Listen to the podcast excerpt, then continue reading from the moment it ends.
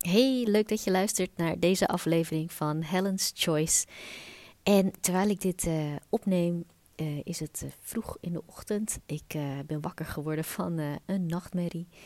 En die had alles te maken met het feit dat ik vandaag mijn eerste sessie heb met mijn nieuwe coach.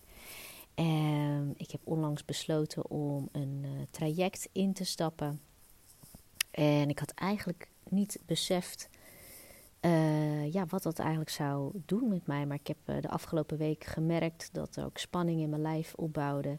Zonder dat ik eigenlijk wist waar dat uh, nou vandaan kwam. Maar het uitzicht dan in een specifiek soort rugpijn. Ehm, en ik wist dat er wel iets van spanning was. Maar ik kon eigenlijk niet goed mijn vinger erop leggen waar dat ook kwam. Totdat ik vannacht ook over dat coachingstraject droomde. En dat het een verkeerde investering was geweest. En zo ben ik heel vroeg wakker geworden. En uh, nou, besloot ik ook om hier ook gelijk een podcast over te maken. Die niet zo zeer gaat over de spanning voor een coachingstraject. Um, maar waar ik het wel over wilde hebben, is de snelheid waarmee je ook je besluiten neemt, je keuzes maakt. En, en zeker als ondernemer, maar ook als je geen ondernemer bent, ehm, is het gewoon iets om even bij stil te staan hoe jij dat zelf uh, doet. En ehm, nou, als jij iemand bent die voor het nemen van een beslissing daar enorm lang over doet om te wikken en te wegen. Uh, en het vaak ook niet doet. Hè, dus dat je dingen niet aangaat omdat je niet goed weet wat het dan zou opleveren.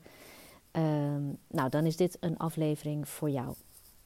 En waar ik aan moest denken, eigenlijk naar aanleiding dus ook van uh, uh, mijn coachingstraject waar ik dan zelf uh, instap, is hoe dat zo tot stand is gekomen. Want ehm, het is nog niet zo heel lang geleden dat ik een afspraak had gemaakt ehm, met mijn nieuwe coach. En, maar dat was niet om te kijken of hij mij verder kon helpen. Het was gewoon een kennismaking. Gewoon een uh, nou, ondernemers onder elkaar even kennismaken. En nou, gewoon een, uh, een leuk gesprek.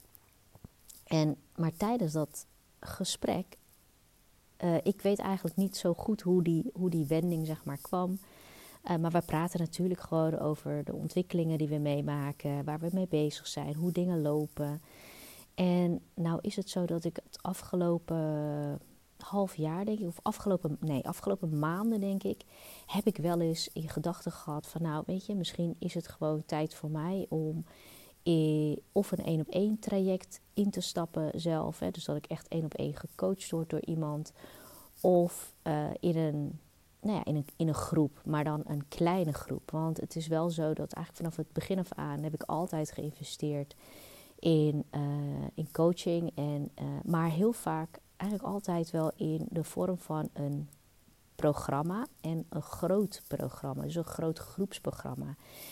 En daar heb ik zoveel uh, uitgehaald en zoveel mee gedaan. En ook het afgelopen jaar en nog steeds. Hè, want ik zit uh, in een traject, in een programma van uh, James Wetmore. En vorig jaar was dat ook een hele intensieve versie daarvan. Dus daar kon je ook heel veel coaching bij krijgen. Um, en daar leer je echt van alles wat gaat over uh, online ondernemen. En daardoor heb ik echt zoveel geleerd op het gebied van copywriting, op marketing, strategie uh, en alles. Uh, natuurlijk met alles komt ook een stuk mindset kijken. En ook daar had ik echt wel een hoop in te doen. Als het ging om adverteren bijvoorbeeld. En um, nou ja, de manier waarop je zichtbaar bent enzovoorts. Alleen zijn er in de grote groepsprogramma's. Dus zo moet je voorstellen dat je dan wel. Uh, ik had heel veel gelegenheid om zeg maar. Uh, een uh, coachingsessie bij te wonen en ook mijn vraag te stellen. Um, maar omdat die groepen dan zo groot zijn, ben je ook vaak met veel mensen in zo'n groepscall. En dan lukt het me wel altijd als ik een vraag had om die dan te stellen. Maar soms uh, heb je behoefte aan dat iemand je een tijdje volgt in je ondernemerschap. Dus dat diegene ook gewoon goed weet, uh, nou ja, wat, hoe je business eruit ziet, uh, wat je aan het doen bent, welke keuzes je maakt. Dus dat iemand eigenlijk een soort van tijdelijk ook met jou meeloopt en op die manier jou ook op een andere manier kan coachen. Omdat hij ook een beetje met je mee kan denken en mee kan kijken, zeg maar. En, en daarom had ik de afgelopen maanden ook wel eens gedacht van, nou ja, misschien moet ik dat gewoon in een, keer ook in een kleiner container doen. En en ik was aan het nadenken van, nou, zal ik een keer een uh, Nederlandse coach ook inschakelen, omdat ik de afgelopen jaren vooral Amerikaanse coaches heb gehad. En nou, wel aan een aantal mensen gedacht, maar eigenlijk niks, verder niks mee gedaan. Totdat ik dus deze coach tegenkwam en um, met hem in gesprek kwam. En tijdens dat gesprek was er een moment dat ik iets dat het iets bij me losmaakte. Dus uh, hij, ik weet niet meer precies wat hij zei, maar hij gaf me iets terug waardoor ik wist en voelde dat hij me begreep en dat hij mij zag. En omdat het iets met mij deed en ik, ik weet gewoon dat, hè, dat soms aan de buitenkant kun je niet altijd zien wat er in iemand omgaat, maar hij zag dat wel. En dat is zeker ook bij mij zo. Maar hij zag dat wel en hij benoemde het ook. En omdat het iets in mij raakte, had ik zoiets van: oh, wacht even, dit is interessant. Dus dat duurde niet lang voordat al bij mij de gedachte opkwam van hij zou mij kunnen helpen. En op een gegeven moment uh, heb ik dat ook gewoon gezegd. En toen begonnen we eigenlijk al te praten over hoe dat er dan uit zou kunnen zien. Hij noemde ook uh, de investering. En ja, ik hoefde er eigenlijk gewoon niet zo lang over na te denken. En ik zei gewoon, ja, weet je, dat gaan we doen. En het is echt wel een flinke investering. Maar ik weet gewoon dat als ik zo doorga eh, zonder dan hulp in te schakelen. Um, ja, dat is natuurlijk ook prima als ik het prima vind dat alles een beetje hetzelfde blijft. Maar ik ben heel heel erg van de groei en ontwikkeling. En ik vind ook, uh, ik vind dat niet alleen leuk en belangrijk, maar ik vind ook gewoon belangrijk, ook richting mijn klanten. Ik weet gewoon dat als ik me blijf ontwikkelen, dat ik mijn klanten ook gewoon meer te bieden heb. Uh, dus ja, voor mij is dat een no-brainer. Dat als ik voel dat iemand mij daar verder in kan helpen. En ook heb je nooit garanties. Hè. Je weet natuurlijk nooit 100% zeker dat je eruit haalt wat je hoopt dat je eruit haalt. Maar ik weet gewoon dat als je de juiste persoon vindt, dat zoiets uh, als coaching, een coachingstraject, uh, je altijd verder brengt dan wanneer je het zelf blijft doen. Uh, en, en, makkelijker ook. Omdat er gewoon dingen zijn waar je je niet van bewust bent. Er zijn gewoon dingen die ik zelf niet kan zien. Die ik wel bij mijn klanten kan zien en die zij zelf niet kunnen zien. Maar als het over mijzelf gaat, uh, ik kan heel veel met reflectie en allerlei oefeningen. Maar je hebt soms gewoon iemand nodig om mee te sparren en die jou gewoon een spiegel kan voorhouden. En dat is wat ik voelde tijdens dat gesprek wat ik met hem had. Um, dat hij dat heel snel zag en dat hij dat doorhad en dat hij dat ook kon benoemen. Um, dus dan is het voor mij niet moeilijk om dat dan aan te gaan. En dan kun je dus zien, want dit was dan denk ik twee weken geleden. En dan zie je dus, dat heb ik al besloten en nou, ik sta er echt 100% achter. Maar dat wanneer dan de dag dichterbij komt dat we gaan starten, want het is dus vandaag. Dat dan dus toch uh, ja, spanning in mijn lijf kruipt. En, um, dat, en ook in die, die droom die ik had, dat ik een kat in de zak had gekocht, daar kwam het eigenlijk op neer. Uh, dat is voor mij ook een teken van hé, hey, maar in mijn onderbewustzijn uh, is het gewoon duidelijk aan het worden dat er dingen aan het licht gaan komen die ik eerder gewoon niet gezien heb. En dat zijn dus de dingen die mij ook weerhouden om verder te groeien. En um, ja, ik heb gewoon heel sterk het gevoel dat de dingen die ik eigenlijk al in gang heb gezet in mijn, voor mijn bedrijf, uh, de dingen die uh, ik geleerd heb in de afgelopen tijd en die ik ook wel geïmplementeerd heb, maar dat qua resultaat dat dat niet in verhouding is tot wat er al staat. Er is gewoon iets wat het tegenhoudt. En zoals ik het uh, richting mijn coach heb beschreven, is, is het net alsof ik um, alsof je een, een, een pan met, uh, met water zeg maar, aan het koken bent. En er zit een deksel op en het overkookt eigenlijk. Alleen die deksel zit er zo stevig op dat het er niet uit kan. Nou, een beetje dat gevoel. En uh, ja, ik, ik weet gewoon dat als ik ervoor open sta om daarin uh, hulp te krijgen en, en daar ook gewoon mee aan de slag ga, dat dat er wel uitkomt. En nou, dat is de reden waarom ik dat dus gewoon doe. maar waarom ik deze aflevering wil opnemen is omdat ik zie hoeveel mensen eigenlijk in het niet besluiten blijven zitten. Dus ik heb het dan niet over overhaaste beslissingen nemen. Maar wat je jezelf wil besparen is dat je heel lang geen ja en geen nee zegt tegen iets. dus als er iets is waarvan je denkt van oh dat zou wel goed zijn om te doen. Maar, en dan ga je natuurlijk allerlei dingen ook. Je brein bedenkt zoveel dingen om het dan niet te doen. Juist als het je verder kan helpen, want dat betekent dus verandering. En ons onderbewustzijn, ons, ons brein, oudste deel van ons brein, die wil geen verandering. Die wil eigenlijk het liefst dat alles voorspelbaar is en dus dat alles hetzelfde blijft. Dus op het moment dat jij uh, serieus overweegt om iets te doen waardoor dingen gaan veranderen, ja, ga je ook waarschijnlijk gewoon weerstand voelen. Ehm, maar wat zo zonde is, is om heel lang, wekenlang, maandenlang of misschien wel jarenlang in dat uh, niet besluiten fase te blijven zitten.